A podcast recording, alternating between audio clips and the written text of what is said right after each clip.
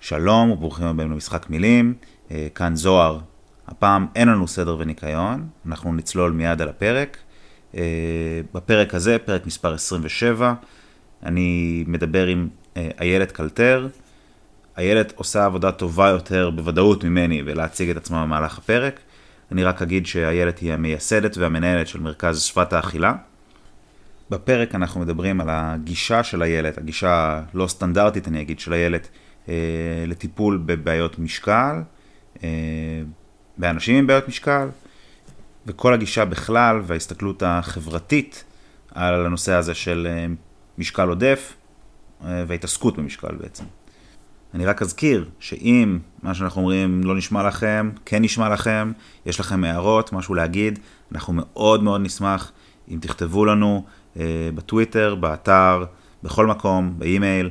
אה, תגיבו, זה, אנחנו מאוד שמחים לקבל מכם הערות, אה, וזה עוזר לנו להשתפר.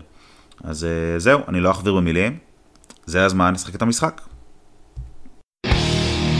Time to play the game. Time to play the game.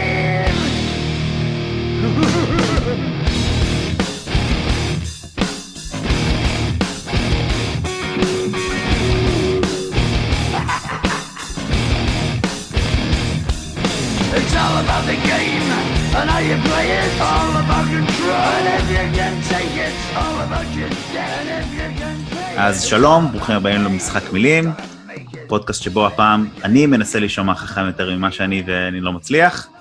אה, והיום יש לי את הכבוד לארח את אה, איילת קלטר, אה, מנהלת מרכז שפת האכילה לטיפול בהתנהגויות אכילה ותפיסת גוף. נכון? אמרתי נכון? מדויק. טוב, אז מה שלומך? ערב טוב, ושומעים מצוין. יופי, שמח לשמוע. Uh, טוב, אז, אז אני מצפה שתהיה לנו באמת שיחה מאוד מעניינת, כי הנושא הזה, אני חושב, נוגע להרבה מאוד אנשים, גם מי שלא uh, מתעסק ספציפית כרגע עם בעיות, uh, לא יודע מה, דימוי גוף, השמנה, כאלה, אני חושב שזה נוגע לו ב- לכל אחד באיזשהו אופן, אז uh, אני מצפה שזה באמת תהיה שיחה מעניינת. אז, אה, אז בוא, בואי נתחיל קודם, איילת, שתספרי לי קצת על עצמך, אה, כאילו, מי את בכזה כמה משפטים, אה, איך הגעת לעסוק בתחום שאת עוסקת בו, ומה, ומה בדיוק, מה בעצם את עושה בגדול. בגדול, היום אני מנהלת את מרכז שפת האכילה, שבו מתקיימים טיפולים בהתנהגויות אכילה ותפיסת הגוף. אני מנהלת גם שתי תוכניות לימודים בפקולטה לחקלאות ברחובות, בתוכנית ללימודי חוץ. תוכנית אחת מיועדת לאנשי מקצועות הבריאות והטיפול, והתוכנית השנייה מיועדת לאנשי חינוך, כשבשתי התוכניות המטרה העיקרית זה בעצם להנחיל לאנשי המקצוע אה, זווית הסתכלות אחרת לגמרי על כל סוגיות האכילה ומשקל הגוף, ולהקנות להם שפה ששפה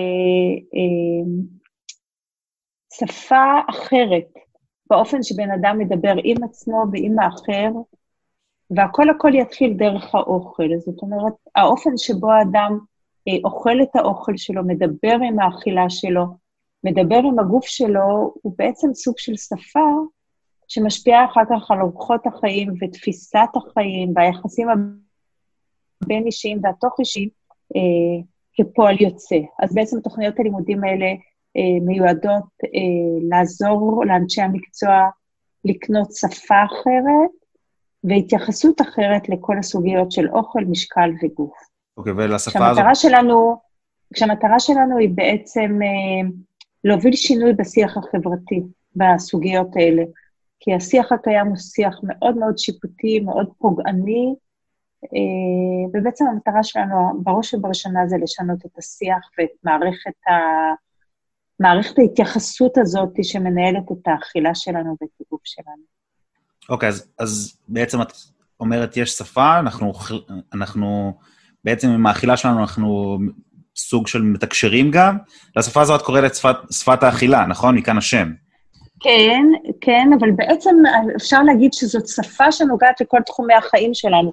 אני סתם אתן לך דוגמה, נגיד אנחנו מדברים אה, אה, היה חנוכה עכשיו, אנחנו מדברים על הסופגניה, ואנחנו מנהלים מערכת יחסים איתה, אנחנו אומרים לה למשל שהיא נורא משמינה ושאסור לנו לאכול אותה ומותר לנו רק סופגניה אחת.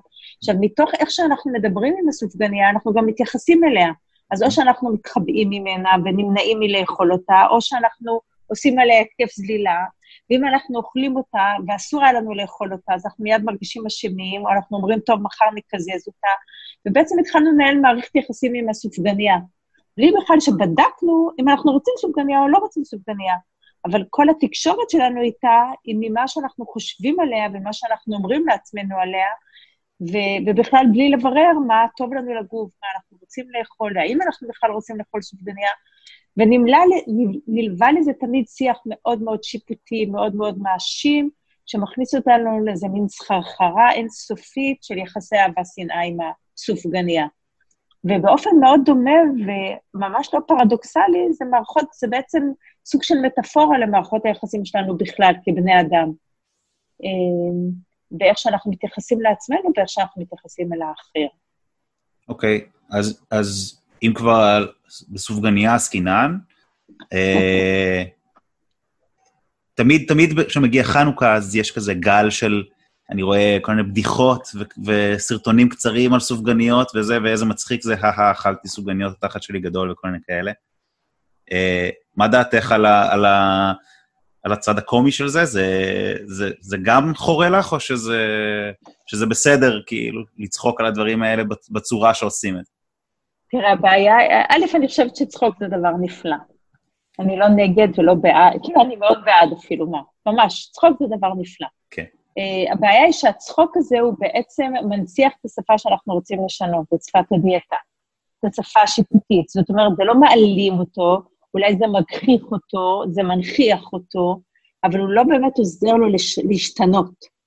אתה יודע, משהו שאנחנו צוחקים עליו הוא לא בהכרח קיים, לפעמים אנחנו רק מגדילים את הנוכחות שלו על ידי הבדיחות והצחוק עליו. אז אני מניחה שזה מה שעושים, כי הצחוק הזה, או הציניות שלנו על הסופגניה, בעצם נותנת לנו סוג של הכשר לאכול אותה, ולריב איתה, ולהמשיך את אותו דבר שאנחנו עושים כבר כל כך הרבה שנים, שמביא לנו רק סבל, ולא באמת איזושהי מערכת יחסים בריאה עם הסופגניה. ואני לא נגד הסופגניה, אני מאוד בעד הסופגניה, רק אני לא רוצה לריב איתה. כן. ואם אני בוחרת לאכול אותה, אני רוצה ממש ליהנות ממנה. כן, זה נראה לי משהו, נקודה חשובה, שכאילו הרבה פעמים אנשים אומרים, טוב, אני אוכל, ואז תוך כדי שהם אוכלים, הם כאילו לא לוקחים את הזמן ליהנות מזה, והם רק מרגישים אשמים. אה, זה לא רק זמן ליהנות מזה, זה רשות פנימית ליהנות מזה. זאת אומרת, בדיוק. אין לנו את הרשות הפנימית ליהנות מהסופגניה הזאת. כאילו זה יוצא לוז-לוז. כן, אז כאילו, אסור לי ליהנות מהסופגניה, אני חייב לסבול ממנה, כי אם אני אהנה ממנה, יש פחד מטורף שאני כל היום אוכל עוד סופגניות. ואז קוגניטיבית אני מתחיל אה, לטחון את המוח שלי כל הזמן, אכלתי סופגניה, עכשיו אני שמן, אני חייב לרדת אותה. ואני נכנס לאיזו מערבולת כזאת, שרק מעצימה את כל הסופגניה, והופכת סופגניה אחת טעימה ונחמדה לאיזה אה, קרב חסר תקנה, שמשתכלל משנה לשנה, וגם גולש לכל המאכלים האחרים שמתויגים כל הזמן בראש שלנו כמוגבלים, כלא בריאים, כאסורים. ו... Okay. ובעצם מפה המערכת הקלוקלת שאנחנו מייצרים עם האוכל ועם הגוף שלנו. ו... ואם שאלת מה אנחנו מנסים לעשות, אז אנחנו בעצם מנסים להבריא את המערכת הזאת, לתקן אותה, לשנות אותה, אה, לנרמל אותה. אוקיי, okay, אז אז אה, בוא נשאל קצת על, באמת על המערכת איך שהיא היום, או בוא נשאל ככה. אם אני הולך היום לטיפול סטנדרטי, אה, לתזונאית, או אני לא יודע, אה, איך, איך ייראה טיפול רגיל, שגרתי, סטנדרטי, היום, מה שאת קוראת לו בעצם שפת הדיאטה, נכון? שלך זה שפת נכון. אכילה. היום הטיפול השגור הוא, שפת, הוא בשפת הדיאטה. נכון, שזה אז... גם, זה גם מושג שאני פיתחתי, והוא בעצם שם, שם כולל לכל תוכניות, לכל התוכניות אה, שקיימות היום לירידת משקל, גם אלה שקוראות לעצמם שהן לא דיאטה, אבל הן בעצם ממש ממש דיאטה. זאת אומרת, היום כל התוכניות שעוסקות בסוגיות משקל לגוף, מבטיחות בצורה גלויה או סמויה לאדם שהוא ירד בסוף במשקל. גם אם אומרות לך שאתה לא בא לעשות דיאטה, אבל בסתר ליבן הן מבטיחות לך את החלום, את ירידת המשקל. והם אומרים לך, רק תשנה את זה ואת זה, רק תתמודד עם האכילה הרגשית, רק תשנה את איך שאתה תופס את uh, מערכת היחסים שלך עם האוכל, כאילו רק ליצור שינויים וכבר uh, ייווצר שינוי. ברמה הזאת שיגרום לך לרדת במשקל.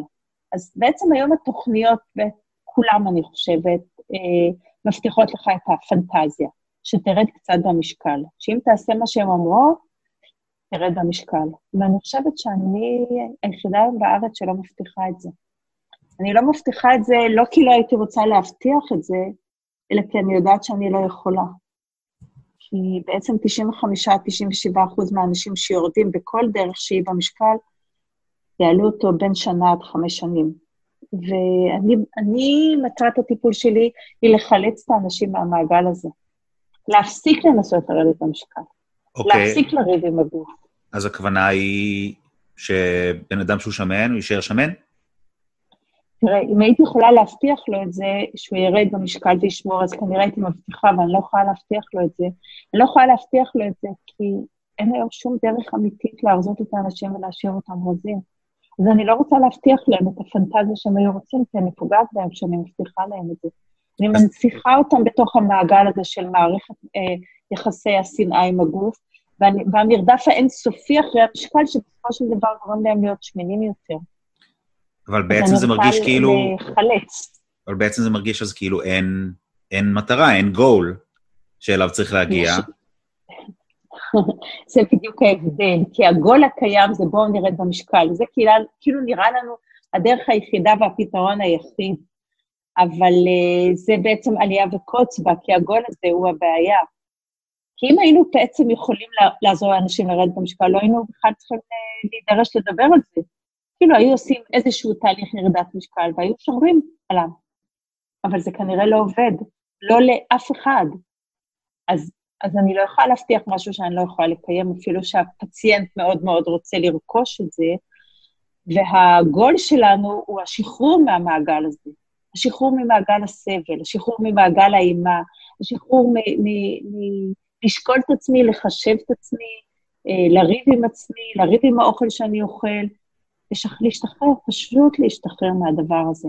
ש, שזה לא יהיה בפרונט בכלל במערכת היחסים שלנו, שלא נעמוד מול המראה וכל הזמן נהיה, אה, נבקר את עצמנו, נשנא את עצמנו, אה, נרדה בעצמנו. אז, אז אם לא, אני מסגר את זה, אז אם אני מסגר את זה רגע ב, בשפה שלי, זאת אומרת, אם הולכים היום לטיפול שהוא מה שנקרא שפת הדיאטה, שאת אומרת שהוא לא נכון, אז יש לנו, אה, אנחנו מגיעים, נדבר על ירידה במשקל, כן? אנחנו מגיעים שמנים, המטרה שלנו היא לצאת רזים, בסופו של דבר אנחנו לא יוצאים רזים, ואנחנו עדיין לא, משח... לא משחררים מהדבר הזה, ואנחנו עדיין לא ניגשים לדבר הזה בצורה בריאה. אה, זאת אומרת, אנחנו, אנחנו די באותה נקודה. לעומת זאת אצלך, נכון. אנחנו, אנחנו כן באותה נקודה אולי מבחינת המשקל, המספר שיראה על המשקל, אבל מבחינה תפיסתית, מנטלית וכל הגישה לדבר, שם השינוי בעצם, ו, ו, ושם זה בעצם המהפך. אני, אני נכון, צודק? נכון, זה הרבה יותר מורכב מזה, כי אני, אני אגיד את זה ככה, השינויים שאנחנו יוצרים אצל האדם לא נראים ברמה הפיזית, אבל הוא מרגיש את זה רגשית וקוגניטיבית. אנחנו אני, אני חושבת שהיום אף אחד כבר לא מבטיח בוא נהיה רזים, אבל כן מבטיחים לאנשים שהם יוכלו לרדת במשקל ולפחות אולי חמישה, עשרה אחוז ממשקל הגוף שלהם. אנחנו לא עוסקים בו בכלל. הוא לא, הוא לא בפרונט, הוא לא קיים. הוא לא, לא כי אני בורחת ממנו, אלא כי הוא לא, הוא לא אג'נדה. אני כן אדבר עליו, אבל אני לא, אני לא ארזה אנשים. אני לא אעזור להם לרדת במשקל. כי כל עוד אני אה, עסוקה בניסיון להרזות אותם ולש... ו... ולרדת במשקל, אני מנציחה את המעגל האינסופי הזה. והמעגל הזה בדרך כלל גורם להם המון המון סבל, מעלה אותם במשקל וגורם למערכת יחסים מאוד מאוד אה, לא בריאה עם האוכל שלהם. הבנתי. אה, רציתי לשאול עוד משהו. אה, ואני... תראה, זה נראה נורא, נורא ארטילאי או אמורפי.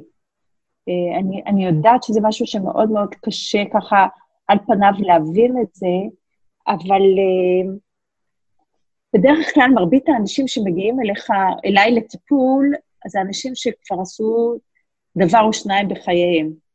ובדרך כלל כשתשאל אותם כמה שקלת בגיל 18, אז נגיד הם יגידו לך 70, והיום הם כבר שוקלים 90. זאת אומרת, במרחב ההיסטוריה או במרחב הניסיון, אם הם יתבוננו יחד איתך אחורה, הם יראו שזה מין פיחות זוחל כלפי מעלה כל הזמן, עוד קצת ועוד קצת. וזה מין מעגל כזה שיוצר להם בראש כל הזמן סבל מטורף, מה אכלתי, לא אכלתי, כמה אכלתי, איזה מין בן אדם חסר אופי, אני חסר שליטה, אני לא שווה. זה מין מבחינה שלא מרפה מהם בראש. ואנחנו רוצים להשקיט אותה. אה, אנחנו רוצים uh, להניח לה קצת.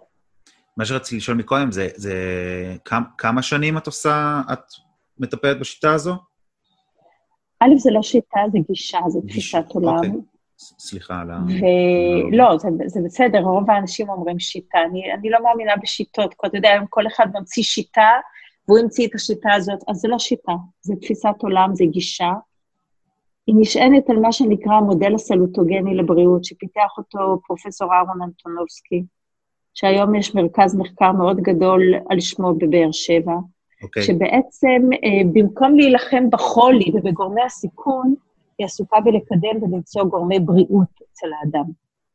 וזה בעצם שינוי זווית הסתכלות, כי היום המודל הפוטוגני, שהוא המודל שמתוכו צמחה הדיאטה, והדיאטה לחלופותיה ומה שנקרא אורחות חיים וכולי, זה מודל של מלחמה.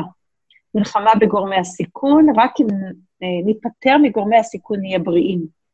ואהרון אנטונובסקי אה, בעצם בא ואומר שהמלחמה בחולי רק מעצימה אותו, ובואו ננסה למקד את עצמנו בחיפוש אחרי גורמי בריאות, מתוך איזשהו רצון לייצר ויטליות אצל האדם, שהוא ישאף להיות הכי בריא שהוא יכול עם מה שהוא.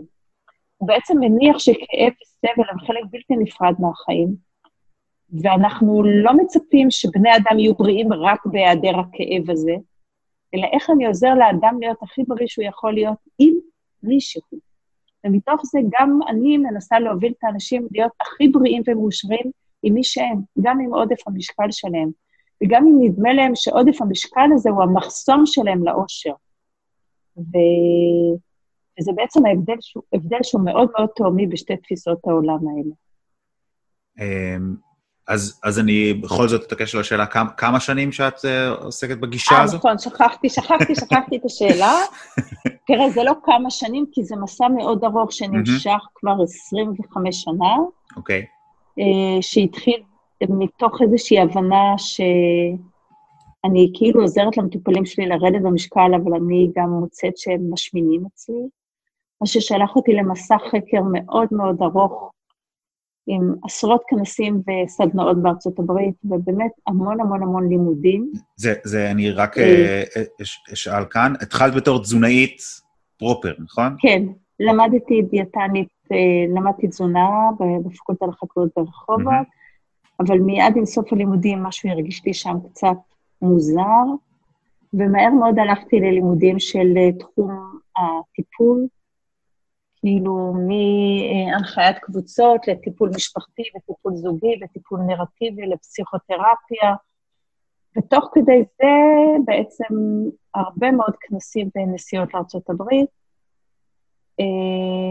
ואט אט התחלתי אה, לבנות איזושהי תפיסת עולם ותמונת עולם. לכן אני לא יכולה להגיד לך כמה שנים, אבל זה מין מסע כזה שהתחיל בערך לפני 25 שנה, היום הוא מאוד מגובש, היום הוא מאוד שלם, זו תפיסת עולם שמאוד מאוד תפורה, והיא תפורה מאוד מדעית. זאת אומרת, זה לא משהו אינטואיטיבי שהמצאתי, אלא משהו שנשען כולו על database, ועם עם רציונל אקדמי מאוד מאוד עמוק ושלם. ואני חושבת שהפורמט הזה, גם בתוכו הוא משתכלל כל הזמן, אבל אפשר להגיד שב-12 שנה האחרונות הוא, הוא מעוצב, מעוצב, אבל כל הזמן עם איזשהו תהליך פרוגרסיבי קדימה. מעולה. אז אם, אם אה, נוכל באמת, אה, תוכלי לשלוח לי בסוף לינקים, אני אשים לכמה מאמרים אה, אחרונים או משהו כזה, אני אשמח. אז... אני כבר יכולה להגיד לך שבאתר שלי יש המון המון חומר, גם יש ספרייה, וגם יש עבודות של סטודנטים, כאילו באמת יש נשים, חומר מטורפות. אז נשים לינק לאתר ומוזמנים להיכנס. אה, אז, אז אני מנסה שוב למסגר את זה שנייה, את כל מה שדיברנו עליו עכשיו. בעיקרון כשמישהו הולך אז לתזונאית רגילה, הוא מגיע במשקל 90, המטרה שלו זה להיות משקל 80, אה, והוא לא יגיע לזה, את אומרת. אבל, אבל לא, יש לו... לא, הוא יכול להגיע, אבל הוא... אבל הוא, או שהוא יחזור. נכון. אה, איך, אז איך נראה בסופו של דבר מגיע אלייך בן אדם, אותו בן אדם ששוקל כרגע 90?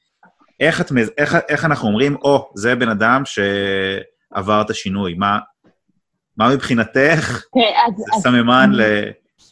או, ש, או שזה גם, או שזה איזשהו תהליך שהוא אינסופי, אני מניח שזה אולי לא נגמר כי, כי זה אורח חיים וזה, אבל אה, כאילו טוב. מתי נגמר הטיפול בעצם? זה מה שאני שואל. אני, אני רוצה לדייק. אז א', אני לא יודעת מה אחרים עושים, אז אני לא רוצה להשוות את עצמי לאחרים. אני נזהרת מהמקום הזה, ואני רוצה להגיד לך מה שקורה אצלנו. אז תהליך הוא, הוא, הוא דבר סובייקטיבי. אתה יודע, זה כמו שאתה לומד שפה. עכשיו אתה תלמד טורקית, ואתה בארץ דוברת עברית, אז עד שיהיה לך קשה ללמוד טורקית, כי כולם מסביב מדברים עברית. הדבר ראשון, ללמוד ולעשות את השינוי ולרכוש את שפת האכילה זה מאוד קשה, כי מסביב כולם כמעט מדברים בשפת הדיאטה. אז זה תהליך. והשאלה היא תמיד כמה אתה פצוע, כמה האכילה שלך כאובה ופגועה, וכמה מערכת היחסים שלך עם הגוף שלך אה, מסובכת. ולכן זה תהליך מאוד מאוד סובייקטיבי, זה דבר אחד. איך אני ארגיש שינוי? אני ארגיש את השינוי אה, לא במשקל הגוף, כי אני לא שוקלת, אין לי משקל ולא מתעסקת בו. אני ארגיש שינוי אם האדם אה, אומר לי שיש לו יותר שקט בראש, אם האדם אוכל הרבה יותר בריא ואין לו התקפי זלילה, אם האדם אה, הולך לים, קונה בגד, בגדים, אה, יוצא לדייטים, אה, עושה בדיקות רפואיות. הקיצר, חי את החיים והוא מאושר. כי בדרך כלל אנשים עם בעיות משקל נמצאים בהימנויות אינסופיות. אז מבחינתי אדם שמתחיל להרגיש טוב עם עצמו, זה אדם ש... שמתחיל לחיות את החיים כמו כל אחד אחר, ולא נמצא בסוג של אה, אסקפיזם מהחיים האלה. מה שמאוד מאפיין הרבה מאוד אנשים אה, שעסוקים באכילה שלהם בצורה אינסופית. גם כל הבריאותנים, שזה היום סטייל חדש שכאילו מתחלף, אנחנו לא מתעסקים בדיאטות להרזייה, אבל יש בריאותנות קיצונית, גם הם נמצאים בהימנויות מטורפות, כי יש להם מלא מלא סוגי מאכלים שאסור להם לאכול, כל מיני אה, חוקים.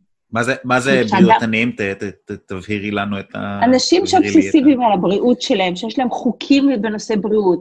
כן. למשל, כל אלה שעוסקים בדיאטות קיטו, שבעצם אה, נעדרי פחמימות, כן. או דיאטות, אה, כל הפלאו, שזה המון המון בשר, הדלי גלוטן, כל אחד יש לו איזה כת אחרת, כן. איזה דיאטה אחרת.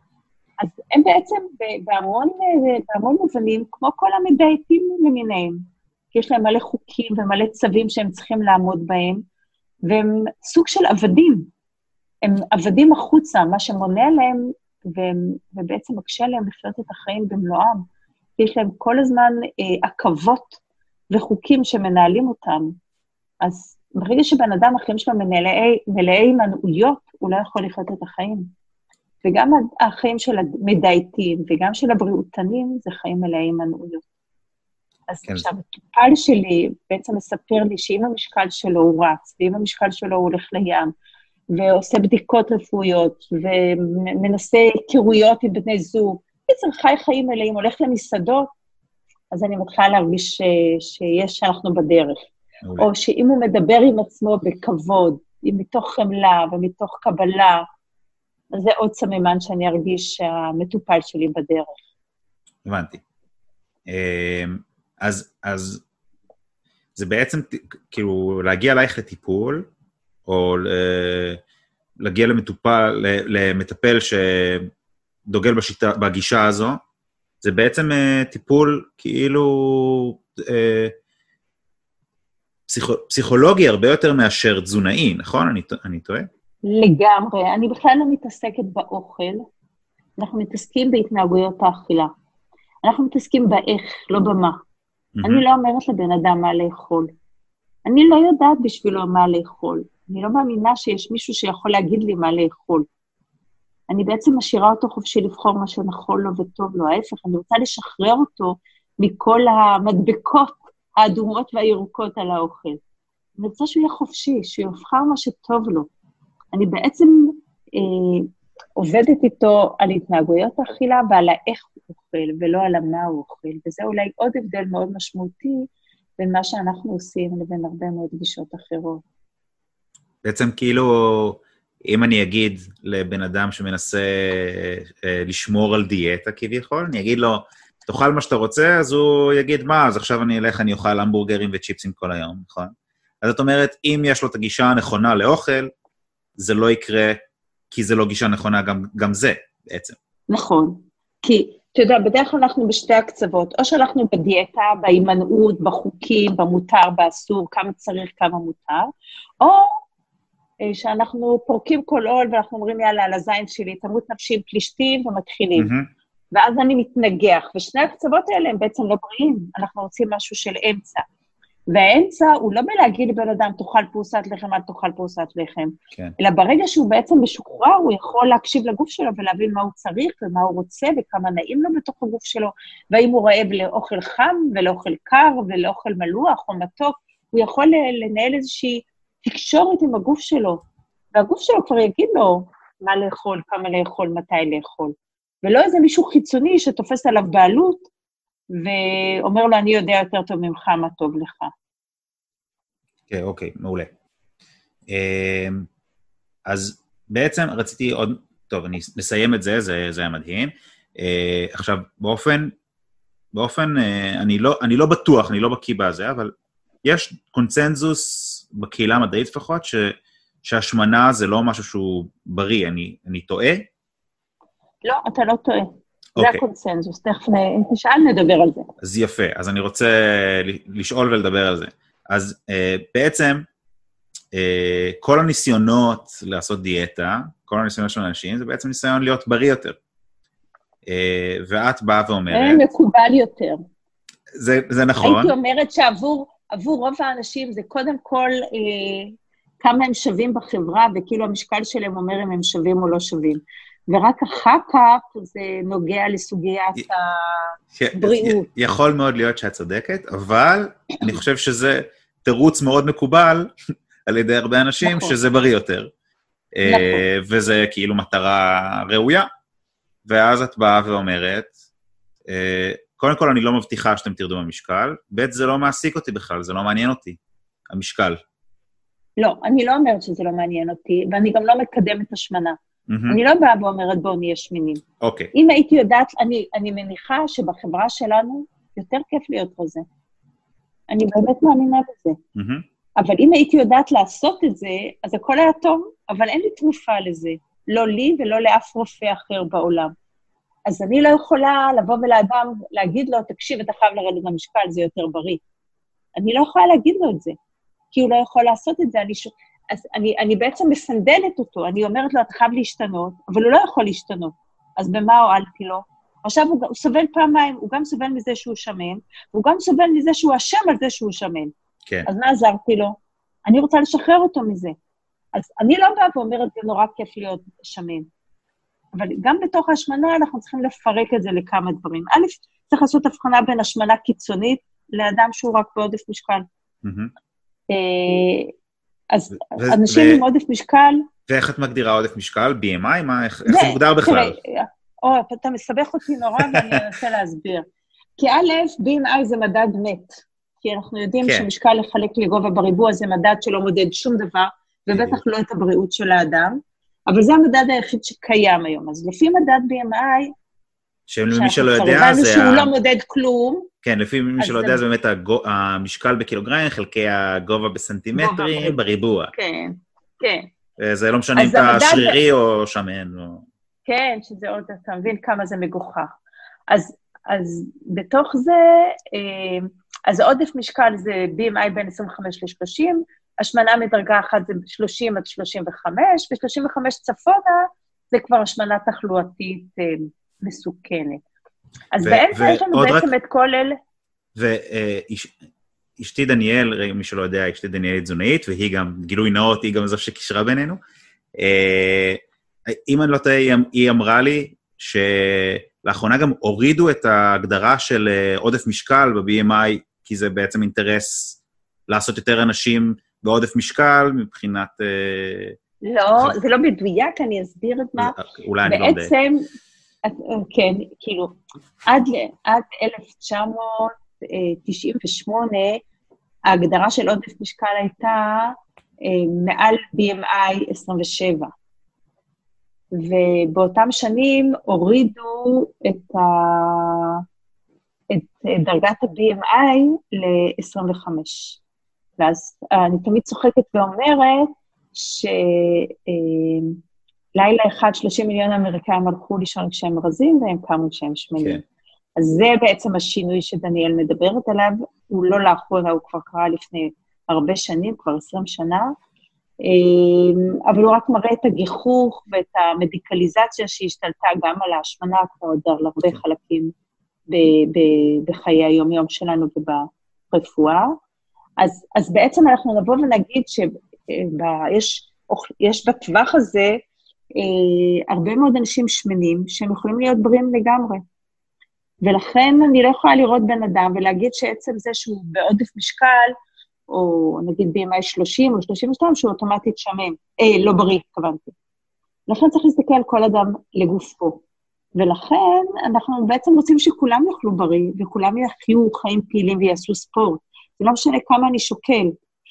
זאת אומרת, גם הרזים וגם השמנים וגם בעודף משקל וגם השמנים מאוד, כולם, אנחנו רוצים שיאכלו בריא ויעשו פעילות גופנית, כי זה טוב לכולנו, זה לא משנה כמה אנחנו שוקלים. וכשאני מתחילה להתייחס לאדם דרך המשקל שלו, אז אני גם מפסידה אותו, וגם בסופו של דבר אני לא יודעת לתת לו את הפתרון האמיתי שהוא היה רוצה כדי להשתנות. אני חייבת לסייג ולהגיד שהיום יש נושא הניתוחים הבריאטריים, ויש את נושא הזריקות, אה, שאני לא פוסלת אותם בהינף יד. אנשים עם השמנה מאוד מאוד מאוד קיצונית, או שיש להם באמת גורמי סיכון, צריך לשקול שימוש בדברים האלה. אני אגיד שורה על כל אחד.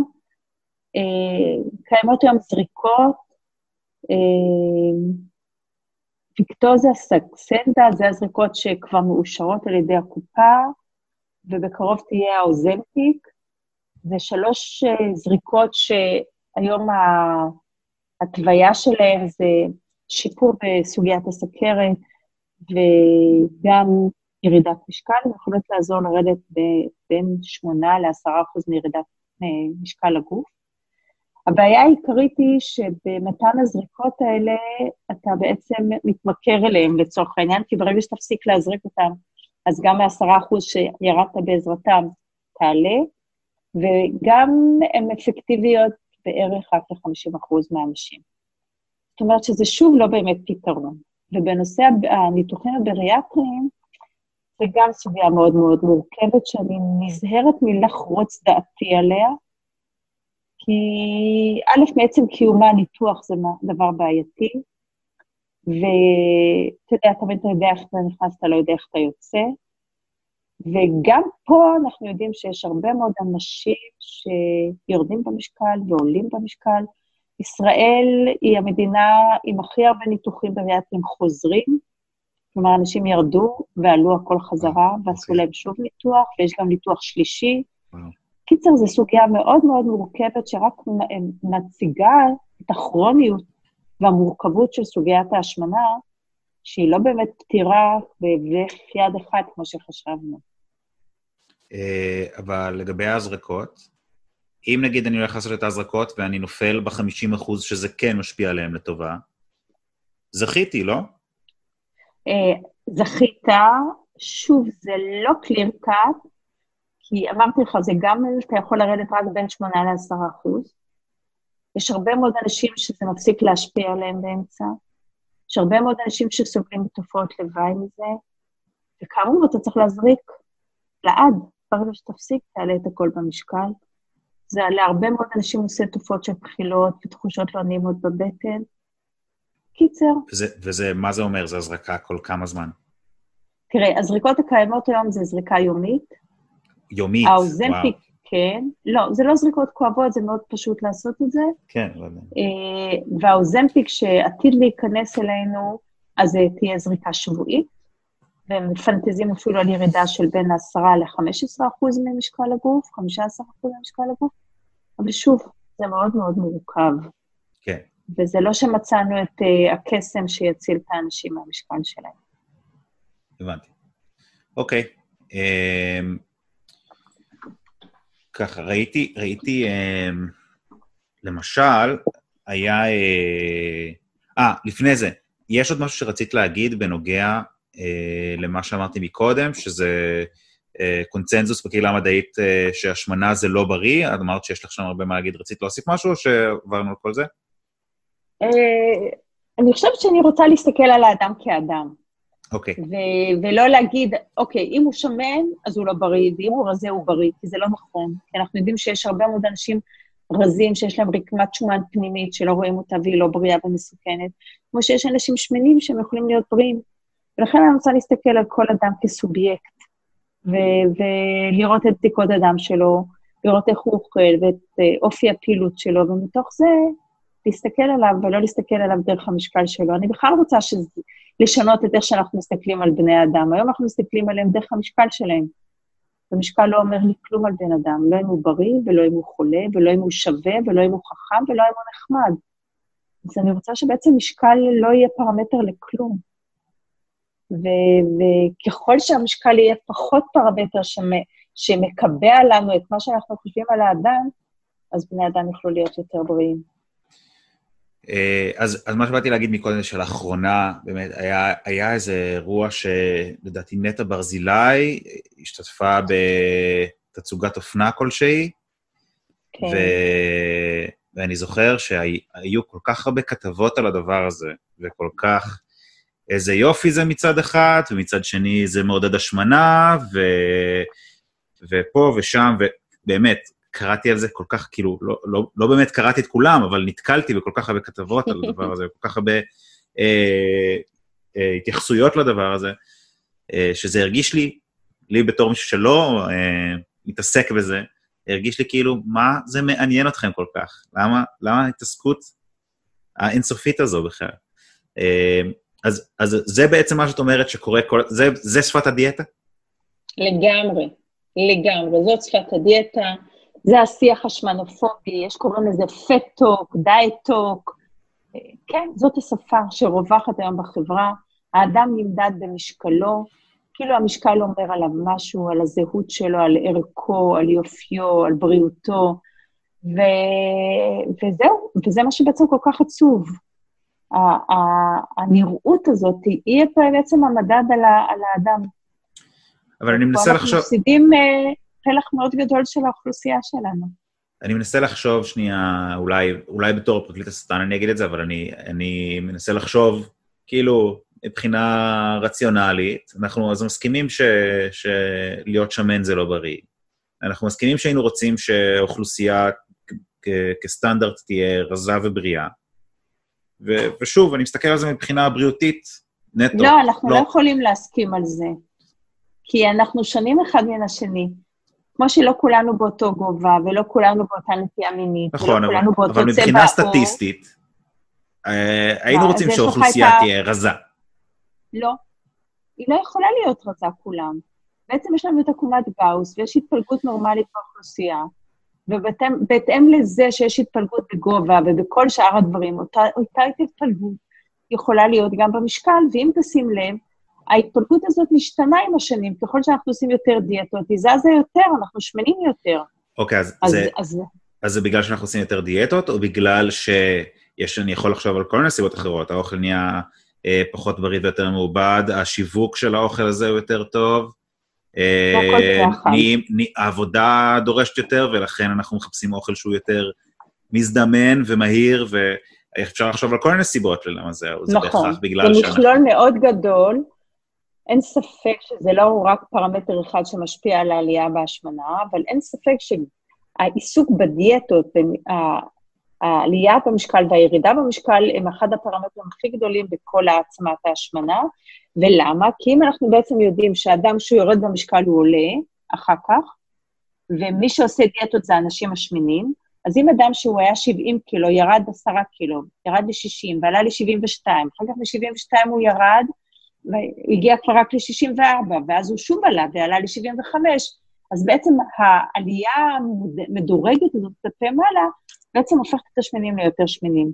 Mm-hmm. אז אני לא יכולה לבוא ולהגיד שזאת הסיבה היחידה שמעלה את כמות האנשים השמנים בחברה שלנו, יש לזה בהחלט עוד פרמטרים נוספים שמשפיעים, אנחנו גם גבוהים יותר, אל תשכח, אנחנו גם חיים יותר, אל תשכח. Mm-hmm. אז ההשמנה היא חלק מכל הדבר הזה שאנחנו יותר בהכול, אבל אין ספק שלכל תעשיית הרזון והדיאטה יש חלק מאוד נכבד בהעצמת ההשמנה. אוקיי, okay, אז uh, את אומרת שעצם השיח, עצם הניסיון לדיאטה, הניסיון להרזות, זה, גורם, זה דוחף אותנו בעצם למעלה בסטטיסטיקה לכיוון, בתור אוכלוסייה, לכיוון שמנים יותר. אבל את אומרת, אין, אין ספק שזה מה שקורה. עכשיו, תמקד את עצמך עוד פעם? מה זאת אומרת אין ספק? אמרת, אין ספק שזה מה שקורה, שעצם הדיבור, עצם השיח והגישה, זה גורם, זה גורם לנו להיות יותר שמנים. זה מה שקורה בשנים האחרונות. זה מראים כל המחקרים, דרך אגב. ככל שהשיח אוקיי. בסביבה הוא שמנופובי יותר, שיפוטי יותר, ביקורתי יותר, נלחם במשקל, עושה דיאטו, אה, זה מעצים בצורה מאוד מאוד משמעותית את העלייה במשקל. אוקיי, okay, אז, אז מדהים, כי זה מה, שכל, זה מה שכל המחקרים אומרים, נכון? עכשיו, אני יודע שמחקרים בנושא תזונה, מחקרים על אנשים, זה משהו שסופר קשה לעשות. נכון. אה, ומאוד קשה למצוא קורלציות כמו שצריך, מוצאים הרבה פעמים אה, אה, נסיבתיות ולא סיבתיות, ו- ו- ומאוד קשה לעשות מחקרים אה, כמו שצריך. לגמרי. אה, אז יש לך דוגמה אולי למה, למאמר שכזה, או, או, או אולי, אה, אם אין לך בשלף ככה, כי אני ממש מתקיל אותך עכשיו, אז, אה, אז אולי נשים איזה משהו ספציפי ככה. בסוף, תנסה להסביר לי מאמר על מה, אני, אני אנסה, אני לא שוב, אני מודה. על, זה ש, על זה שזה קשור באמת, לשעשי, נגיד ככה, שהשיח והניסיון לדיאטות זה בעצם גורם לאנשים להיות שמנים יותר בסופו של דבר, כאוכלוסייה אני מדבר, ולא, וזה לא מרזה אותנו. כי האינטואיציה שלי אומרת, אם מודל היופי הוא רזה, ואם אה, כל הזמן אנשים ידברו על כמה שלהיות רזה זה טוב, אז זה ידחוף אנשים להיות רזים. זה כאילו האינטואיציה הכי, הכי של כיתה ג' כזה ש, שיש, נראה לי. אה, ואת אומרת, לא, בתנאי, הפוך. זה בתנאי שמשקל היה באמת כוח רצון. אתה יודע, אתה יכול לקחת ילד עם הפרעת קשב וריכוז ולצפות שהוא יחלים מהפרעת קשב וריכוז, כי הוא נורא רוצה לה, להחלים? לא. אתה מבין שיש לו הפרעת קשב וריכוז, והוא לא יכול להשתנות. אתה יכול להפוך הומו ללא הומו? אוקיי, אז, לא. אז, אז, זה חשוב מה שאת אומרת פה. את אומרת שזה... אז גם את הנטייה הגנטית להיות בעוד, עם עודף משקל, אני לא יכול לשנות. אני רק יכול לא להחמיר אותה. ואם אני לוקח אדם ומכניס אותו לתעשיית הרזון והדיאטות כבר מגיל צעיר, אני מבטיח לו את האופק האחד והיחיד, שהוא יהיה יותר ויותר שמן. אז, אז זה ממש, אז ממש ב... חשוב מה שאת אומרת פה, שזה, שהנטייה הגנטית שלנו להיות שמנים או להיות רזים, זה משהו שאנחנו נולדים איתו, וזה, ואת בעצם אה, אומרת שזה מאוד דומה, נגיד, למשל נטייה מינית, או... כן, את אומרת שזה בעצם דומה ל, ל, לנטייה מינית? מאוד, מאוד דומה לנטייה מינית, וכמו שאתה אה, יש המון המון אה, מקומות שכבר מדברים על זה שהשמנופוביה היא ההומופוביה החדשה. זאת אומרת, ממש ממש עושים את ההבחנה הזאת, ולוקחים את כל טיפולי ההמרה שעשו לאנשים עם הנטייה המינית, ואומרים שבעצם דיאטה היא גם סוג של טיפול המרה. הדיאטה, הניתוחים, הזריקות, כל תעשיית הרזון הזאת היא גם סוג של טיפול המרה. ו... וכמו שפגעו במשך עשרות שנים בקהילה ההומו-לסבית, פוגעים היום בקהילה של האנשים השמנים. והבדל אחד, שהקהילה ההומו-לסבית זה אולי עשרה אחוז מה, מהחברה בעולם, והקהילת השמנים היא בין 50 ל-60 אחוז. טוב, זה, זה כאילו נקודה שיכולה להיות בעיניי, כאילו, ממש. אם, אם האסימון הזה נופל, אז זה כאילו פותח את הראש ממש, כי, כי כן, זה לא כן, נתפס אבל... ככה. נכון, זה, נתפס, זה לא נתפס ככה. אנשים, אנשים, כולל אולי אני גם, כשאני רואה מישהו שמן, אני חושב, הנה מישהו שהוא עצלן, מישהו שהוא לא עושה מספיק ספורט, מישהו שהוא אוכל, יושב כל היום על הספה ואוכל את הפוצ'יפס. זה, זה השמנופוביה במערומיה, זה בדיוק זה. אני יכולה לספר לך שבעוד איזה חודש, חודשיים יצא הספר שלי על הסוגיה הזאת, אני הולכת לקרוא לו שמנים, שבעצם מציפה את כל סוגיית השמנופוביה. אמ, בימים אלה הוא כבר בעריכה סופית. בשעה טובה. וכן, ו... השפה השמנופובית שהשתלטה עלינו היא שפה מאוד מאוד פוגענית. היא מנוהלת על ידי הרבה מאוד סטיגמות ודעות קדומות, ו... ועיקרה בורות. לא נעים לי להגיד, אבל בורות ובערות. אה, אנחנו טועים לחשוב שהאדם השמן הוא חסר כוח רצון ועצלן וטיפש וכל הדברים הכי נלוזים בעולם. אבל לא מיני ולא מקצתי, כי המשקל לא אומר כלום על האדם. ובאופן שאנחנו מתייחסים אליו, אחר כך הוא מתייחס לעצמו. וזה תהליך מאוד מאוד פוגע ופוגעני, הוא מפנים את הסטיגמה בתוכו, ואחר כך הוא חי ומתנהג מתוכו. וזה הפטוק. כמו נבואה שמגשימה ו... את עצמה, את אומרת. לגמרי. כי הוא שונא את עצמו, הוא כועס על עצמו, הוא כל הזמן עושה דיאטות לנסות ולתקן את עצמו, וכל הדברים האלה רק מכניסים אותו למין מעגל כזה ממוחזר ואינסופי, שרק מעצים את ההשמנה שלו. אז uh, דיברת על מאמרים, אז לא הכנתי לך מאמרים, כן, סליחה על ההתקלה. אבל שוב, באתר שלי יש הרבה מאוד מאמרים על זה, מי שרוצה לקרוא. ו... אבל ממש כל המאמרים שעוסקים ב... בשמנופוביה, בפט אקספטנס, בכל הסוגיות של האפליה על רקע משקל, מראים את זה בצורה מאוד מאוד uh, חדה וברורה. אה, ולא רק זה, מראים גם שככל שהשיח הזה מתחיל בגיל צעיר יותר, הילד יהיה, אה, יסבול יותר אחר כך. יהיה שמן יותר ודפוק יותר. אה, אוקיי. מה, אני חייב לשאול משהו שהוא קצת אקטואלי. מה לגבי, מה דעתך על כל הסימונים החדשים שהתחילו עכשיו? אדום ליותר מדי נתרן, וירוק למוצר שהוא בריא, או עוד אדום ליותר מדי מעובד? מה דעתך על זה? א', זה פסול מעיקרו. זה מגוחך, זה פתטי, זה הזוי. זה הזוי שעל זה משרד הבריאות מבזבז את כספו, ואת כספנו יותר נכון. אני חושבת שזה תרגיל יח"צ נפלא, ובעצם הוא מגלם איזושהי תפיסה חברתית, אה, או לא, לא יודעת אם תפיסה חברתית, אבל תפיסה שאנחנו אידיוטים. עכשיו, זה מין מנגנון כזה שעובד בצורה מאוד מאוד חדה, שמתבססת על דבר ראשון להפחיד אותנו, ומפחידים אותנו בצורה אינטנסיבית, כך עושים עם השפעת, כך עושים עם מזג האוויר, כך עושים עם המשקל, וכך עושים גם עם האוכל, הופכים אותו לדמוני. ואחר כך הם אומרים, לנו יש את הפתרון, אנחנו נציל אתכם מהדמוניזציה הזאת, אנחנו נבריא אתכם. אנחנו יודעים מה טוב לכם, אתם לא יודעים מה טוב לכם, אבל אנחנו נדע, יודעים מה טוב לכם. ואז. לוקחים מדבקות.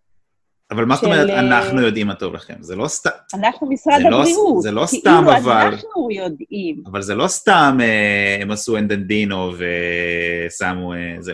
הייתה ועדה... של אנשים מכובדים, רציניים, ישבו, החליטו, זה ירוק, זה אדום, וככה את... אה, תראה, אי אפשר לקחת אוכל ולקחת ממנו פרמטרים מבודדים, ועל סמך זה להגיד שהוא בריא או לא בריא. זאת אומרת, אם מוצר מזון מסוים, יש בו מעט סוכר, אז זה אומר שהוא בריא? לא. זה בדיוק האבסורד. זה דבר אחד. דבר שני, אה, התהליך הזה שהם הכריחו את התעשייה להפחית, נגיד, אני סתם נתקעת בסוכר, אז נגיד, הפחיתו את הסוכר מהמצרך, מהמוצרים, אבל כדי שזה יהיה טעים, אז הוסיפו יותר ממתיק מלאכותי. אז מה קיבלתי? אוכל מהונדס יותר, אוכל מתועש יותר? בואו נעשה סדר בדברים. אוכל מתועש לא יכול להיות בריא, באמת. האוכל הטבעי, פירות, ירקות, דגנים, זה סבבה לגמרי, זה באמת בריא. אבל כל האוכל המתועש, מה, עושים לי פה משמע, מכשירים לי את השרץ. עכשיו, הדבר היותר חמור בעיניי, זה לא רק מה שמשרד הבריאות עשה עם כל המדבקות אדום-ירוק, אלא איך שהם השתלחו במי שיוצא נגדם. והכתבות וה, והמאמרים שהם הוציאו, כאילו הם יודעים את האמת והיא בלעדית אצלם, זה שערורייתי, זה ממש גובל בדיקטטורה. כי, כי דווקא במדע טהור יש הרבה דעות, יש חילוקי דעות, צריך להתדיין על זה, אבל שם הם לא נתנו מקום לדיון הזה, אלא השתלחו בו ב, ב, בצורה מזעזעת. אמ, אז, אז זה דבר אחד. דבר שני, ברגע שהאוכל מתויג כבסדר, לא בסדר, שוב מדביקים לנו אשם. אז אם אני אכלתי גבינה צהובה, ועל גבינה צהובה יש מדבקה אדומה, אז אני מרגיש אשם על זה שאכלתי את הגבינה הצהובה. אז או, עכשיו, אני נורא רוצה גבינה צהובה, אבל אני, יש על זה מדבקה, אז מה, אני אוכל את זה או לא אוכל את זה? אז או שאני נמנע מזה, או שאני אוכל את זה, אבל אם כבר אני אוכל, אז אני אומרת, טוב, יאללה, היום אני אוכל, מחר אני לא אוכל. אז אני אוכל המון גבינה צהובה, ואני מרגיש אשם על זה שאכלתי גבינה צהובה. כדי שאני לא ארגיש אשם, אני אוכל עוד יותר, כי האשם, אני לא יכול להכיל אותו. קיצור, זה מכניס אותי ללופ כזה מטורף, ואיפה בריאות ואיפה נעליים. אתה שואל אותי, מה צריך לעשות? צריך לקדם את הפירות ואת הירקות, להנגיש אותם בכל האוכלוסייה, שכל אחד, גם העניים וגם מעמד הביניים, יוכלו לקנות פירות וירקות טריים בשפע, שהאוכל הזה יהיה נגיש. צריך להקצות משאבים לפעילות גופנית ובחייאת. המדבקות האלה זה פשוט הגיחוך.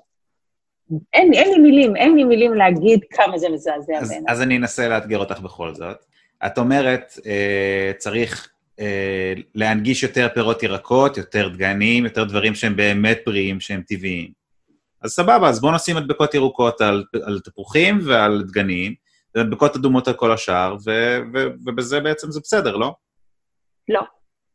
למה אני צריכה לראות מדבקה מול העיניים שלי? למה? למה אני לא יכולה לקחת את האוכל ולהתענג עליו? למה אני צריכה לקבל חטא-חטא אם אכלתי תפוח, ולקבל עונש אם אכלתי פיצה? למה? מה, זה שכר ועונש סביב האכילה? אתה שומע את הגיחוך בדבר הזה? מה זה הדבר הזה? אוכל זה דבר נפלא, זה דבר טעים, וזה בריא, וזה מפנק, וזה מענג, וזה מלא תאווה ומלא סקס אפיל. למה אתם לוקחים לי את זה? אז, אז, אז מה הכוונה בלקדם את הירקות ופירות, ואיך אפשר לעשות את זה? ש, שזה יוכל להיות נגיש. כיום, מלא מלא מאכלים שהם בריאים וטעימים, הם לא נגישים כי הם נורא יקרים. אבל אם האוכל, המחיר שלו יוזל, אז הבחירה החופשית תהיה לא רק אצל המעמד שיש לו את הכסף לרכוש את כל המאכלים האלה, mm-hmm. אלא הוא יהיה אצל כולם. וברגע שבן אדם יכול לאכול מהכל, הוא לא כל היום יקנה דווקא שוקולד או ביסקט. הוא ברוב הפעמים יאכל אוכל פשוט טעים ובריא, כי הוא ירצה להיטיב עם עצמו, הוא לא יריב עם עצמו. אבל כשאני שונא את עצמי, ואני שמנופוב על עצמי או על האחר, אז אכפת לי מהגוף שלי? לא, אני רק עסוק בלשנוא אותו. אז אני לא דואג לו, ואז אני לא אוכל בריא, ושוב נכנסנו לאותו מעגל שאנחנו רוצים להיחלץ ממנו. כן, אז, אז אני רק אה, אגיד, אה, אני לא, לא חקרתי את הנושא הזה לעומק, אבל האינטואיציה שלי, באינטואיציה שלי אני מאוד נגד המדבקות האלה, אני חושב שזה מטופש. אה, ואני גם, גם בתור הציניקן שאני, אני חושב שזה פותח, יש פה הרבה מקום למשחקים כלכליים, לוביזם וכל מיני דברים כאלה, ש... או קצת לא, טיפה להוריד מה, מתחת לרף הדרוש את, ה, את רמת הסוכר, ואז עוד פעם תקבל לקבל את המדבקה, ולהשפיע קצת על הח"כ הזה, בשביל שיעלה טיפה את הרף, בשביל שהמוצר שלי... קיצור, זה מרגיש לי כמו... אה... זה המדיקליזציה במערומיה. כן. אוקיי. אני מסכימה עם מה שאתה אומר. אה, מדהים. אה, רציתי לשאול... עצוב, לא מדהים. לא, מדהים שדיברנו על זה, מדהים. רציתי לשאול, אה, את מתעסקת גם, גם בטיפול ב, עם ילדים? אנחנו בעיקר מתעסקים בהדרכת הורים. אה, אני okay. אוקיי. לא רוצה שילד יהפוך בגיל צעיר להיות מטופל. אני חושבת שרוב הסבל שלו נובע מהתפיסות של ההורים שלו על המשקל שלו, אז בעיקר מה שאנחנו עושים זה הדרכת הורים. אוקיי, זה מדהים. אני, אה, אה, אני הייתי, הייתי כלבן בצבא, וזה זה מזכיר לי קצת, אה, שכאילו, כשאתה בא, בא ללמד כלב, אה, מישהו שהוא לא יודע בכלל ללמד את הכלב שלו משהו, אז אתה בעצם מאלף את, ה, את הבעלים ולא את הכלב. אתה מלמד את הבעלים, אתה נותן לו את הכלים בשביל לעשות זה מזכיר לי את זה מאוד. אז, אה, אז את אומרת, הטיפול לילדים הוא בעצם טיפול להורים שיחלחל אל, ה, אל הילדים בעצם. כן, שאם ההורה ישנה את השפה שלו ואת האופן שהוא מסתכל על הילד שלו, אז הילד שלו יוכל להשתנות באיך שהוא מסתכל על עצמו. אוקיי, אז, אז uh, אני יודע שאצל ילדים, הרבה פעמים יש, כאילו, האוכל, אוכל זה הרי גורם משמעותי בחיים שלנו בכלליות, אבל גם אצל ילדים. הרבה פעמים משתמשים ב, באוכל כאינסנטיב, או כ, כסוג של ענישה. Uh, אם תעשה ככה, אז תקבל חטיף. אם לא תעשה ככה, לא ניתן לך, כאילו, כזה דבר. שוב, האינטואיציה... שכר ועונש, כן. כן, האינטואיציה שלי אומרת שזה אה, לא בסדר. מזעזע. כן. אה, מה, יש לך משהו להרחיב על הנושא הזה? לא, זה פשוט מזעזע. פשוט מזעזע. אני, אני לא, לא יודעת אם זה עוד קיים, זה עוד קיים היום? אין לי מושג. זה עוד קיים. אה, אז בעיקרון כל שימוש זה, באוכל... אני אגיד לך איפה זה קיים, זה קיים בגנים, אני יודע. כן. אני, אני אגיד לך את זה, אני, אני חושבת שכל שימוש באוכל כסוגיה של שכר ועונש, זה, זה משהו שהוא מעוות מאוד את המקום ואת הקיום של האוכל בחיים שלנו, ו, וגם פוגע בילד. אני חושבת שאוכל, כפי שניסיתי להגיד, זה אחד הדברים הכי חשובים לנו בחיים. זה נותן קשר, זה נותן משמעות, זה נותן חום ואהבה. אה, זה, זה, זה הכל, הכל, הכל חוץ משכר ועונש. זה הכל, הכל, הכל חוץ מהפחדה ואיום. אני, אני באמת חושבת שהדבר הכי חשוב שאני רוצה להכניס לילד שלי דרך אוכל, את הכיף שבו, את, ה, את הקשב שבו, את ההכלה שבה, את החמלה, מין מלא מלא אה, ערכים שאין בהם ושום נגיעה לשכר ועונש, הפחדה, איום, או משהו מהדברים המאוד פוגעניים האלה. אוקיי, okay, אז, אז לטובת מי שזה קצת פחות ברור לו שזה מזעזע, אמ, למה זה כל כך מזעזע אותך? נגיד הילד, לא יודע מה, אומרים לו לסדר את החדר, הוא לא סידר, לא סידר את החדר, אמרו, אם תסדר את החדר, ניתן לך חטיף, וזה פועל, הילד מסדר את החדר. אז למה זה כל כך מזעזע? כי... אני, אני גם שומע, הזעזוע אותי... שלך הוא אמיתי, אני, אני כן. מנסה... אני, אני, אתה שואל אותי, אז, אז בעיקרון, אני, לא מאמינה בעונשים בכלל. אוקיי. לא כאמצעי חינוך. בשום דרך. אבל, אבל פה זה לא היה עונש, פה זה היה תמריץ. פרס. לא, זה אותו דבר. אני לא מאמינה בכזה חטא-חטי. אני לא מאמינה, זה, זה כמו שאני לא אתן לילד שלי אה, פרס על זה שהוא רחץ כלים או זרק את הפח, אני גם לא אתן לו, אוכל זה לא פרס, אוכל זה אוכל, אתה לא יכול להשתמש בו לכלום, מה זה? ואני לא אתן לילד שלי שום פרסים בעונשים אם הוא הכין שיעורי בית או הוא קם בזמן לבית ספר. לא, אתה לא רוצה להביא את המשחק הזה בכלל לרמה הזאת, או לליגה הזאת של מערכת היחסים שלך. ובטח לא אוכל, שיש לו משמעות ערכית כל כך עמוקה. אה, אני לא רוצה לקלקל את המשמעות הזאת שלו, של האוכל הזה, אבל כאילו, בחיים שלי. אבל אפשר לעשות את ההפרדה הזו בין אוכל שאוכלים לבין ממתקים או חטיפים. כן, אה, ממתקים זה לא אוכל. אבל, אבל אם אני מציע לילד ממתק, זה ברור לילד שזה לא אוכל. אנחנו לא עכשיו... נכון. זה לא ארוחת צהריים, אני מציע לו... לא בסדר, לא אבל אנחנו חיים חיים, אתה יודע.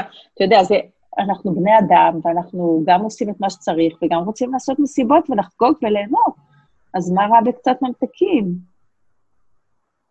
לא, מה, אז... אתה רק הולך לעבודה ומשלם מיסים וחשמל מהטלפון? אין בעיה, לא, לא רע בכלל ממתקים. אז אם הילד יסדר את החדר, אני אתן לו ממתק. אני שואלת אותך, אני אשאל אותך עליך. מתי מגיע לך ממתקים? אה, רק אם הכנת שיעורי בית, ואם הגשת את המבחן וקיבלת ציון טוב? תשמעי, יש, יש גם או אנשים... הבאת מספיק משכורת? אני, אני בטוח, יש לנו הרבה אנשים. ש, שמפנקים את עצמם אחרי שהם עשו אימון כמו שצריך ב... אני רוצה לפנק את עצמי תמיד. אני רוצה להתייחס אל עצמי בכבוד וחמלה תמיד. אני חושבת שזה אחד הדברים הכי בסיסיים שאנחנו רוצים לתת לעצמנו כבני אדם. בכל תחום, דרך אגב, לא רק באכילה. אני חושבת שהצורך שלנו לתת כל הזמן חטחטים, הוא, הוא לא נובע מהמקום הנכון. אני חושבת שהחטחט, אני רוצה שהוא יהיה על בסיס יומיומי, ולא ממשהו חיצוני דווקא, אלא שאני אהיה מסוגל לתת את זה לעצמי בכלל. אז אז- אוכל לא יכול להיות חטחט. אז, אבל... שנייה, אז שני דברים. קודם כל, אני זוכר, הייתי נגיד, אה, משהו באמת שהייתי עושה, זה נגיד אחרי מבחן מאוד קשה, היינו מסיימים את המבחן, אוקיי. יוצאים כאילו עם הלשון בחוץ, ואז הולכים כל. החבר'ה, או, כן, אוכלים איזה המבורגר, או איזה משהו כיף, ביחד, כאילו. לך על זה, סבבה, אה, מקסים. אבל אז זה, זה בעיניי אה, סוג של כזה פרס שאני נותן לעצמי, נכון? אבל אתה נותן את הפרס הזה לא כהתניה. עשית מבחן, אתה עייף, רוצה להתפנק, הלכת ועשית את זה. זה לא שמישהו אמר לך, אם תקבל ציון טוב, אז תק- תקבל המבורגר. כן, עשיתי את זה גם כשקיבלתי ציונים. גבוהים. היית עייף, התפנקת, ובא לך, בא לך המבורגר, בא לך ללכת לפאב, או בא לך ללכת לקולנוע, מה זה משנה? אבל זה לא היה תנאי. אוקיי. בחרת, אחרי, אחרי המבחן, בחרת ללכת לזה ולזה ולזה. מהמם. זה לא היה תנאי שאם תעשה את זה, אז תקבל... התנאי. אני נגד התנאי, אני נגד. החטחט. אה, אבל אז את אומרת, אז למה שאני לא אפנק את עצמי תמיד? למה שאני לא אתייחס לעצמי תמיד הכי טוב נכון. שאפשר? אבל, אבל אז, קודם כל, אה. זה, זה יקרה אולי יותר מדי, וזה יקרה גם אולי לרמה כזו, שזה כבר יאבד מהמשמעות שלו אולי, לא? מרוב שזה... אה, צר. צריך, את, צריך את ה-lows בשביל ה-highs, את מבינה מה אני אומר? אני חושבת שהלואוז באים באופן טבעי. החיים מזמנים לנו כל כך הרבה רגעים שהם לואוז באופן טבעי, אז למה אני צריך גם להכניס לעצמי כאלה בהתנדבות? אני באמת לא חושבת שאני צריך כאלה בהתנדבות. ואני באמת רוצה לפנק את עצמי כמה שיותר. יש איזושהי סיבה שלא. פעם חשבנו שחיים של ספרטה זה חיים חשובים, שאנחנו מחשלים את עצמנו. ואני בעצם באה ואומרת, היות והחיים מלאי כאב באופן טבעי, אז למה לא ליהנות באותם רגעים שהוא איננו? כן. כמה שיותר. וככה גם במערכת היחסים שלי עם עצמי, וככה גם עם הילדים שלי. אז אוכל זה מסיבה, ואוכל זה כיף, ואוכל זה משפחתיות, ואוכל זה אהבה, ואוכל זה בריאות, אוכל זה הכל. אז ככזה אני רוצה להתייחס אליו גם מול הילדים שלי. כן, מעולה. Uh, טוב, אני חושב שאנחנו לקראת סיום. Uh, יש עוד, uh, אני אגיד לך כבר עכשיו, עוד מעט אנחנו, אני אבקש ממך המלצת תרבות. Uh, זה יכול להיות כל? כל דבר. Uh, uh, סרט, סדרה, הצגה, ספר, uh, כל, מה, כל, מה ש, כל מה שאת יכולה להמליץ עליו שעשית לאחרונה, אני אשמח. Uh, אני אתן בינתיים את שלי ואני אתן לך זמן לחשוב. אה, אז, אז די בנושא של, ה, של השיחה שלנו, יצאה לאחרונה העונה החדשה של אה, סדרה שנקראת, תוכנית שנקראת בואו לאכול איתי בערוץ אה, כאן 11. אה, אה, אני יודעת. אז אה, זה עונת, עונת זוגות. אה, בואו לאכול איתי זה, זה תוכנית. אה, יש, במקרה, במקרה הזה זה שלוש זוגות, בעונה הזו זה שלוש זוגות, שכל אחד מבשל אה, בביתו, מזמין את השתי זוגות האחרים, זה מעין תחרות כזו, המנצחים אה, טסים לאיטליה, זה ב, עם commentating, עם, אה, עם אה, ליווי של שי אביבי שעושה עושה צחוקים מכל מה שקורה שם, אה, ובעיקרון זה קורע מצחוק, כי האינטראקציות בין האנשים שם, הם בכוונה מרכיבים את ה... עושים את הסופה המושלמת בשביל שזה יהיה מצחיק. אה, מומלץ בחום, אפשר לראות את זה. באינטרנט, בערוץ של כאן 11. אה, אז זהו, אה, בואו לאכול איתי עונה 4. מומלץ. אה, יש לך, אה, חשבת על משהו? יש לך המלצת תרבות? המלצת תרבות, אה, כבר התחלתי עם זה, אז יש הצגה שהיא בעיניי, אמנם היא הצגת פרינץ', אני אדם שאוהב הרבה מאוד הצגות פרינץ', אז יש הצגה שמציג תיאטרון אספמיה בהנהלת או ב... של דליה שימקו, והצגה נקראת מהפכניות, מרתקת, מקצוענית, ממש.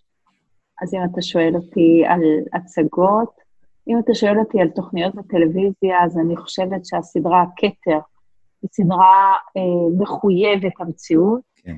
היא בעצם מראה לנו את הדיקטטורה בשיא ערוותה, את החוקים, את הנוקשות, וזה בדיוק מה שאנחנו בשפת האכילה יוצאים כנגדו, כאילו נגד הנוקשות, נגד החוקים, נגד הדיקטטורה, אז בעיניי סדרה שגם פורסת לנו את uh, ההיסטוריה של ה-50-60 שנה האחרונות, אבל גם מראה לנו את חוליי המלוכה לצידה של הנוקשות, שבעצם משתקת את החופש שלנו להיות בני אדם.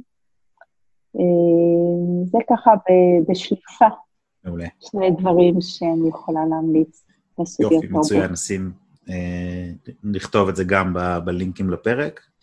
אה, טוב, מעולה, אנחנו דיברנו על כל הדברים הקטנים שאני רוצה לדבר עליהם. יש עוד משהו שאת היית רוצה להגיד, לסכם, משהו ש... אתה יודע, סיכום זה דבר מאוד מסובך תמיד, אה, במיוחד שנגענו רק בקצה של הקצה של הדברים. לחלוטין. ואני רוצה לא להיות שמלצית, אז אני מנסה לסכם את מה שלא ניתן לסיכום, אבל אני אגיד את זה בצורה כזאת שאני אה, הולכת בדרך הזאת 25 שנה, שרובם היו מאוד סיזיפיות וקשות, עם המון התנגדויות ורוח אה, אה, לא גבית. שחוויתי מכל הכיוונים האפשריים, ובחמש שנים האחרונות אני רואה ממש ממש שינוי אה, מעורר של הרבה מאוד אה, אנשים שבאים ללמוד, וזה נורא נורא נורא מרגש אותי. ואני מקווה שאנחנו לאט לאט נגדיל את מיליי האנשים שיאמינו וירצו לשנות את השפה הזאת. יש שפה ביקורתית ושיפוטית על משקל הגוף ועל בכלל.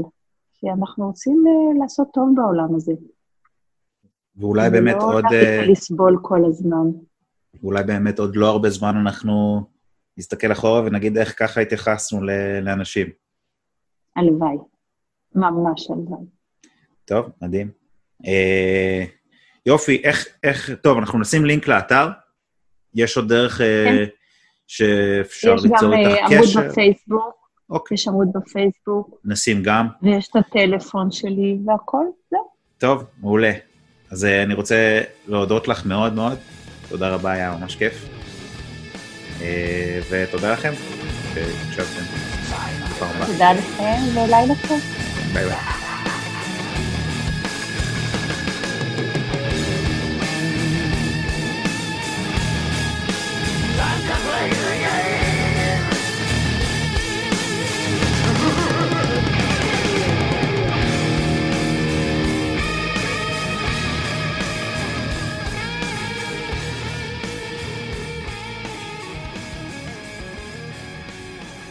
אם אתם מוצאים את הפודקאסט הזה בעל ערך, אז תכתבו לנו תגובות באתר, באימייל, תעקבו אחרינו ביוטיוב, בטוויטר, צייצו אותנו, תשתפו אותנו לחבריכם, כשעוד אנשים ישמעו ויוכלו להאזין, כי אם מצאתם את זה שוב בעל ערך, אז אולי זה שווה. כל אינטראקציה שלכם עם התוכן הזה רק תעזור לנו. אז uh, מודים לכם מראש, ותודה רבה שהאזנתם. להתראות.